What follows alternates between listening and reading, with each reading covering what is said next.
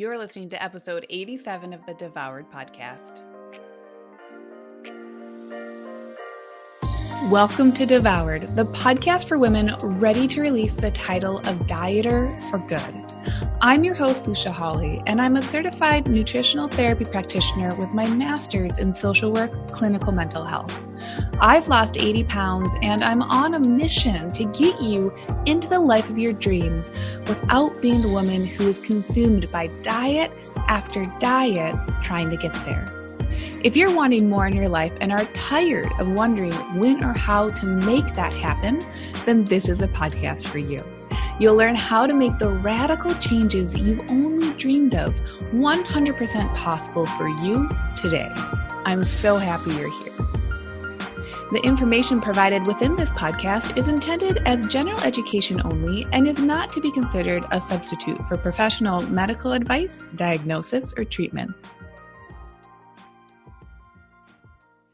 Well, hello, my friends. Welcome to another episode, and one that I am over the moon to be offering to all of you today. So, before we dive into the content about answering the question of the title, Can I Take a Structured Approach to Food Freedom? Let me first fill you in on what's been going on with me. and I'm saying this because as I am sitting here in my office, my desk looks out oh, like on the second floor of our house and it looks out through a window. So I have a really beautiful view when I'm doing my work at my desk. And today, through the window, I see blue skies. I am so excited for the springtime. If you have ever been to the Pacific Northwest or you have visited Portland or maybe you've lived here, I think a lot of people have lived here for some amount of time in their life. And actually, fun fact, I lived in Oregon when I was young. I lived here for about a year and a half with my family before we moved away. So I have a very, very deep fondness for Oregon as a state and for the weather. But if you have been here, you know that while the winters are temperate and mild, they are very, very gray. And I learned my lesson my first winter here. So, last winter, my first winter here as an adult, I thought I was cocky when I moved here. And I thought, well, since I'm coming from Minnesota, Minnesota, I have completely experienced seasonal affective before right? SAD, seasonal affective disorder. I've experienced that before. I know what to do. I'm doing a good job. If anything, it'll be easier in Oregon than it was in Minnesota. My first winter here, I got through November, I got through December, I got through January, and then February hit me like a ton of bricks. I have not experienced a level of lowness through the winter like I did last February. And it hit me later in the season, which was new to me. So I did some reflecting and I got myself more prepared for this winter. And I am happy to say that this winter was much easier. And what I did for myself is a few different things. But the the one that I find most impactful is that and I had done this in Minnesota, and this is where I was cocky, thinking I wouldn't need to do this in Portland I started taking a high quality vitamin D supplement, a vitamin D3 supplement. And I was making sure to get high quality fats in my diet. And as well, this is the other part that I think works so well. Even if there is a cloudy sky, because what is the Portland winter? It is cloudy. it is overcast. But even with overcast skies, the one two punch for me at least with my seasonal affective was making sure to get in enough vitamin D3 and check with your healthcare practitioner to get some lab testing on what your own levels look like, but as well getting out in the morning even if it's a cloudy morning, and getting natural light on your eyes. Not just looking at the sun through a window, which I'm doing right now because it is a sunny day here, but actually getting out. For me, I have a dog. It was a really wonderful excuse to not only get her outside as a great start to her day, but to get myself out. If it was a 40 minute walk, great. If it was a five minute walk around the block, awesome. But getting at least a handful of minutes every single day with natural light on my eyes without sunglasses and without being behind a window is hugely impactful for mood. So I wanted to put that plug in here because I think a lot of us struggle with seasonal affective because I'm so excited about the blue skies today, I know that it's still impactful for me and it could be contributing to your mood and your health and wellness as well. So I encourage you to talk to your healthcare professional. Ask and advocate for yourself to get testing for your D levels. And from there, start to bring in these changes in terms of either appropriate supplementation or and or going outside and or of course there's way more you know i focus this podcast on really talking about the intangibles when it comes to our health and wellness but i have a background in all of the tangibles nutrition nerd hashtag nutrition nerd. So there can be so much more right? Our absorption of our minerals our absorption of our vitamins our absorption of our hormones vitamin d is actually technically a hormone not a vitamin doesn't matter for the purposes of this conversation. So, getting your bases covered, hugely impactful. And again, I know a lot of you, I talk to those of you who listen to this podcast, and I'm so happy that you do. I talk to you, and if you're anything like the people I talk to who do listen to this, then you yourself have probably experienced or are close to someone who experiences seasonal affective disorder. So, that's my plug for that. Anyway, it's a beautiful blue sky day here in Portland, and I've already been outside three times, and I'm going to go out again because I cannot get enough of it. So, now that we have that out of the way, let me bring up this subject for you because as a listener of this podcast, I want not only for you to have actionable takeaways by the end of each episode, but I want you to have, and this is the key point, actionable takeaways on subjects that at first glance seem intangible, unactionable. What do I mean by that? Our conversations around habits, our conversations around judgment, our conversations around our thoughts what we say to ourselves, these things that conventional diets do not mention. Let me give you the basics of what a conventional diet focuses on.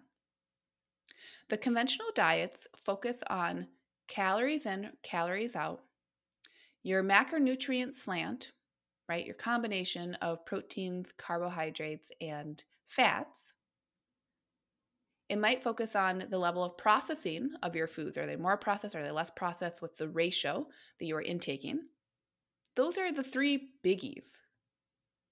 And then, of course, diets will offer us combinations of those different levers of health. So, those are all very tangible. You can write them down. You can do the nerdery on them. You can become a pro looking at your macronutrients. You become a pro at tracking calories. You can become a pro on eating less processed foods or having understanding of what processed foods are doing in your bodies. This is all great foundational information and this is actually information that we do go over in Lean and Liberated. I don't want to just brush that off to the side, but here's the thing. This is what conventional diets are not offering us.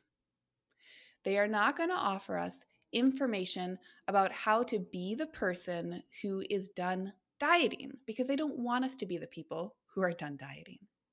Conventional diets want us to try the diet and probably have a, a, an amount of success, but then to fall off of the diet. And why is that? Because that then encourages the dieting cycle where you start a diet, you feel euphoric, you're so excited, you keep doing it, you get so much success, and then it feels restrictive, and then you eventually stop doing the diet, and then you might feel bad about yourself, or the results that you did get were now short lived, and then you feel so bad that you take a break and maybe you dive even deeper into old habits and then after that break you rest and recover and recoup but you didn't get the results that you wanted so at some point you do another diet This, my friends, is the dieting cycle.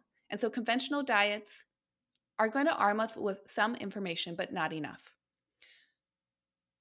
My too long don't read is that conventional diets really stoke our logical brains. They're going to make us feel like we can finally outlogic ourselves and how thankful we are to have this information to finally outlogic ourselves. But what's never getting addressed is our emotional brains.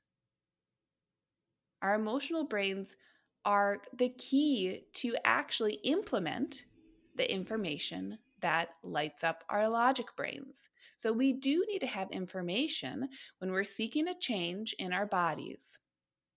We need to have information that works both logically and emotionally.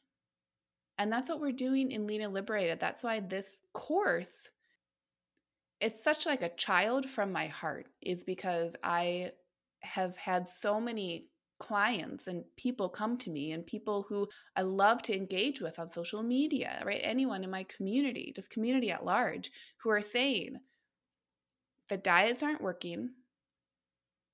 If I'm just anti the diet, that isn't working. I'm feeling confused. I'm now feeling shame for actually wanting change in my body. I don't know how to navigate that body. And I'm sitting here stressed out and confused and feeling like I can't talk about it. If that is you, if you have felt that way before, I want you to know right now that that is a feeling and that is an emotion. And if we never talk about your emotional brain, that will continue to be an emotion that your brain will come back to because we haven't supported it. So, with this understanding, I now want to bring us to the subject of the episode Can I take a structured approach to food freedom? And I'm going to dovetail in an additional idea here. Now, I'm really happy to see that there is more conversation around being anti diet. I love that. I identified as that briefly, but that as a label, and what that is, is it's saying that if you identify as anti diet, you are not for pro diet culture. But unfortunately, I think because of the hype of a label and of any label, especially if it's a label that has come about because of a distaste and a dislike for an old label or another label, it can be reminiscent of a pendulum swing. So, because we might start to identify with the label of I'm anti diet, there can unintentionally or intentionally i'm not a i'm not going to say either which way this is for you to do thinking on as you're listening to this episode but there can be certain dogma that comes up whenever you adhere to a label. The label becomes definitive. It's the umbrella to how we then view the world the label is like our pair of glasses, a prescription that we're putting on, and how the world looks through those glasses will vary depending on the dogma. So, the point of anti diet is to say you're not defined by your body. Your body does not define your self worth. And I love that message. And I agree with that message. But unfortunately, because the dogma then takes it a step further, because there is perhaps a level, and again, as a movement, and this is going to be happening in many a movement, but as a movement, if there's more of a dogmatic approach to being anti diet and we focus on being anti, what then is going to come up is that it enforces that your choices were wrong when you were seeking choices that actually aligned with pro dieting rhetoric. And now, because we are anti that pro dieting rhetoric, we have choices that are better. And I want any of you listening today to think about this. If we are still continuing within a good, bad, all or nothing, yes or no, black or white paradigm, we're simply switching out the words and we're not switching out the emotions. We're aligning with one framework instead of another. And for truly liberatory nutrition and for truly liberatory food freedom, what we need to come to is a recognition that it is all choice and it is all option. So, when someone is asking, well, can I actually be structured? And would that actually give me freedom? Can I be structured in the times that I'm eating? Can I be structured in the foods that I'm eating? Is it a free for all? If I have certain thoughts about certain foods, am I bad for some thoughts and better for other thoughts? I want you to take all of this information in stride today. When you're taking information in stride, all that means is that you are trusting in yourself that you can and will continue to develop the confidence to know what you as an individual needs. You take it in stride and you assess that information against yourself. And as you're doing this, you are also assessing yourself within community, whichever community you're thinking of. It might be family, it might be a certain community that you align with that has a label, it might not have a label. So if you're thinking about, well, how do I actually lose weight? And if you're listening to this podcast, you're listening because you want to lose weight or it's been a thought that has come up for you in the past. If you want to take a structured approach to losing weight, and now you're feeling bad or ashamed about it without the space and container to unpack the thoughts and to unpack the information, the first step is to take it in stride via providing context for yourself. And your context is that you are an individual moving within a community full of other individuals who are moving within those communities. But you yourself have specific goals. You have a handful of emotions. you have a whole lifetime of experiences that have brought you to the present moment with your present habits. Your habits reinforce what you believe and what you believe about yourself. So, within your context, as you're taking this information in stride, I want you to ask yourself, what makes sense for me? And if you say that and ask yourself, what you might find is that this question asks you to get quiet. now, this is going to get meta, but stick with me. When you get quiet, I want you to notice the actions that come up for you. Do you reach to turn music on? Do you reach to turn the TV on? Do you pull out your phone and check your Instagram one more time before you get quiet? Are you checking your email? Are you shooting a text message to a friend? Are you playing a quick game? Are you checking in on an app for a certain notification? All of these are very common actions when we start to ask ourselves the deeper questions. And if we come back to that context, what's happening there is that we've primed ourselves to actually not take a lot of information in stride. We very frequently look to others in our communities, chosen or not, informed or not, we look to others for social clues about how we should act. Historically, that was really supportive and helpful.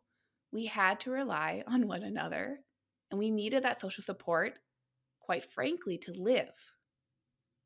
So we're in this odd place and time. And in a country that is very individualistic as well, where there are pressures on us to make a lot of choices by ourselves, and yet our physiologies are primed to always be scanning the horizon for what everyone else is doing.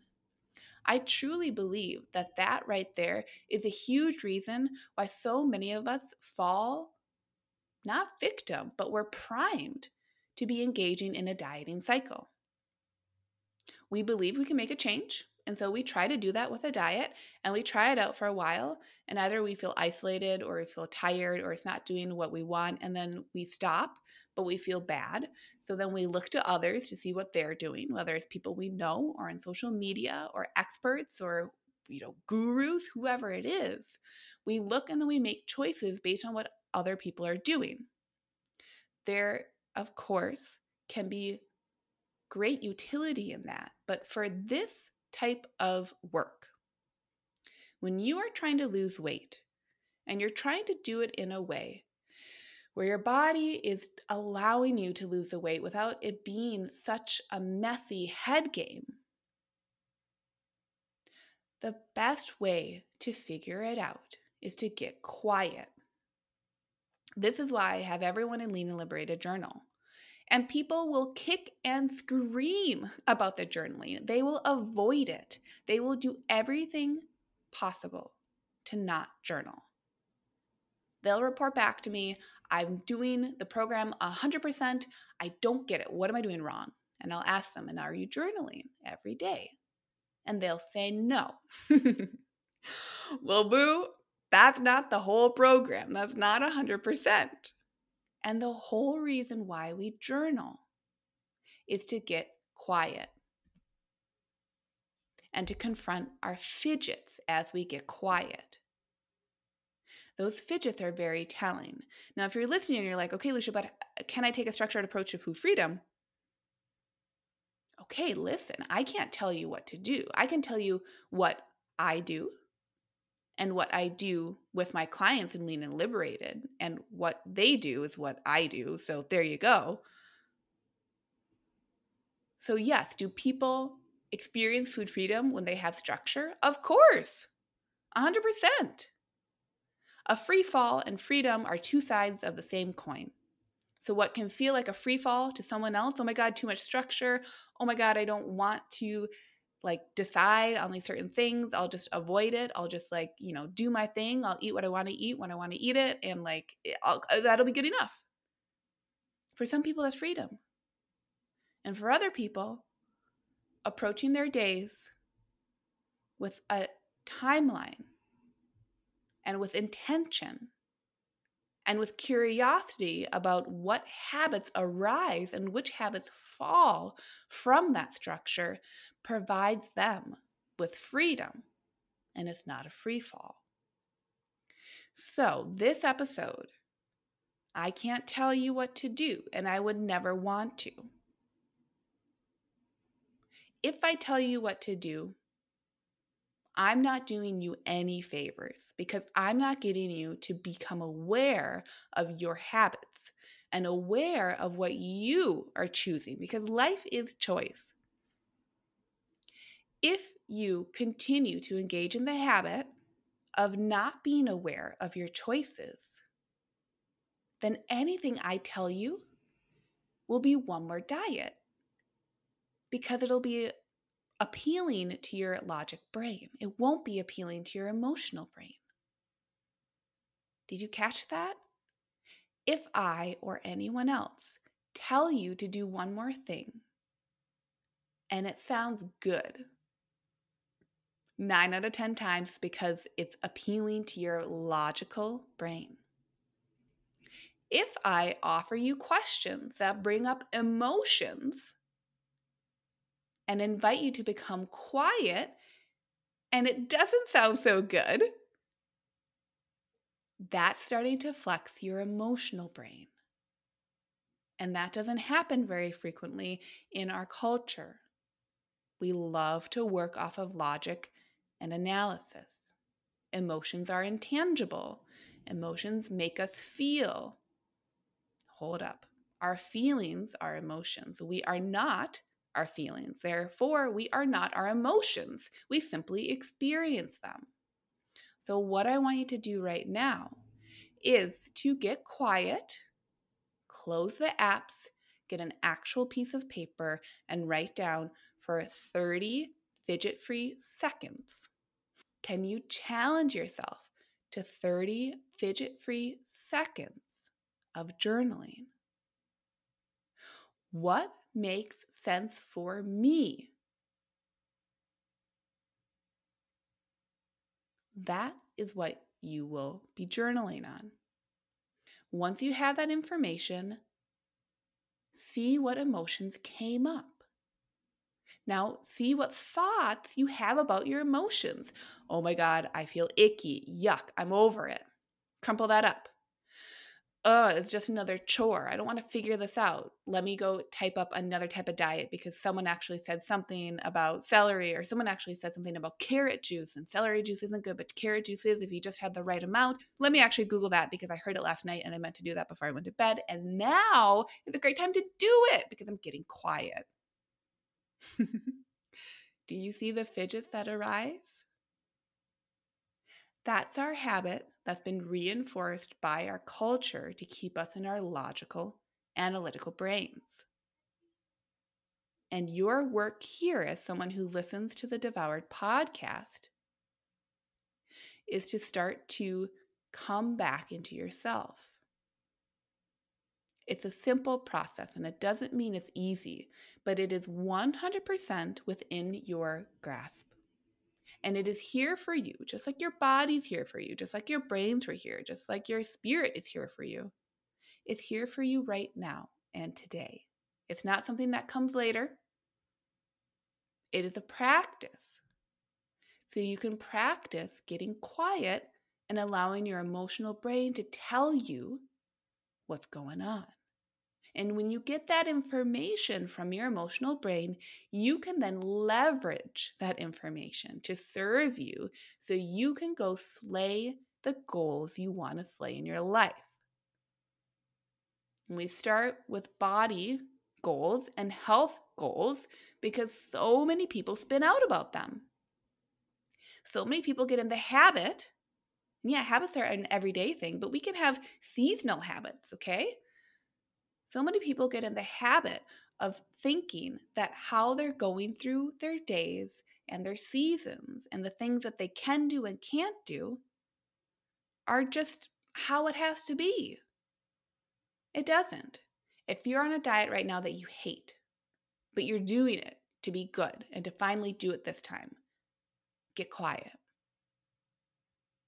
If you're gaining weight steadily and it's something that doesn't feel aligned with you, but you're hearing voices from other people that you should just accept it and you don't know if you should, but you've tried to, and you know that your body doesn't impact anyone else's body, but because of that, you feel like you should be able to make these choices, but you feel like there are good or bad choices, get quiet. Get fidgety with it. You can trust that. There is so much deep wisdom in those fidgets. So do that 30 second exercise right now. And then shoot me a message. Find me over on Instagram. Tell me what's up. Join the Lean and Liberated free group. I have everything linked up in my show notes, every single episode. Hit me up over there. Get in the group. Ask some questions. I answer them every week on the Tuesday lives. Get into action because you will always find information. So I hope that answered your question. Can I take a structured approach to food freedom? I'll see you next week. Bye.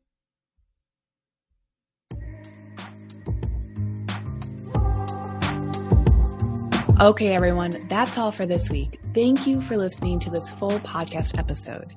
If you want more of this information every day instead of just one podcast episode each week, consider coming over to Instagram to hang out with me. I'm Lucia Hawley underscore over there. That's L U C I A H A W L E Y underscore. And one more thing before this episode ends please consider leaving a review of Devoured on iTunes so we can keep spreading the word. And together we can offer this free education, empowerment, and liberatory nutrition principles that will change more lives. If you're someone who likes to empower other people, then please consider sharing this podcast with friends and family. And by leaving a review, it makes a world of difference.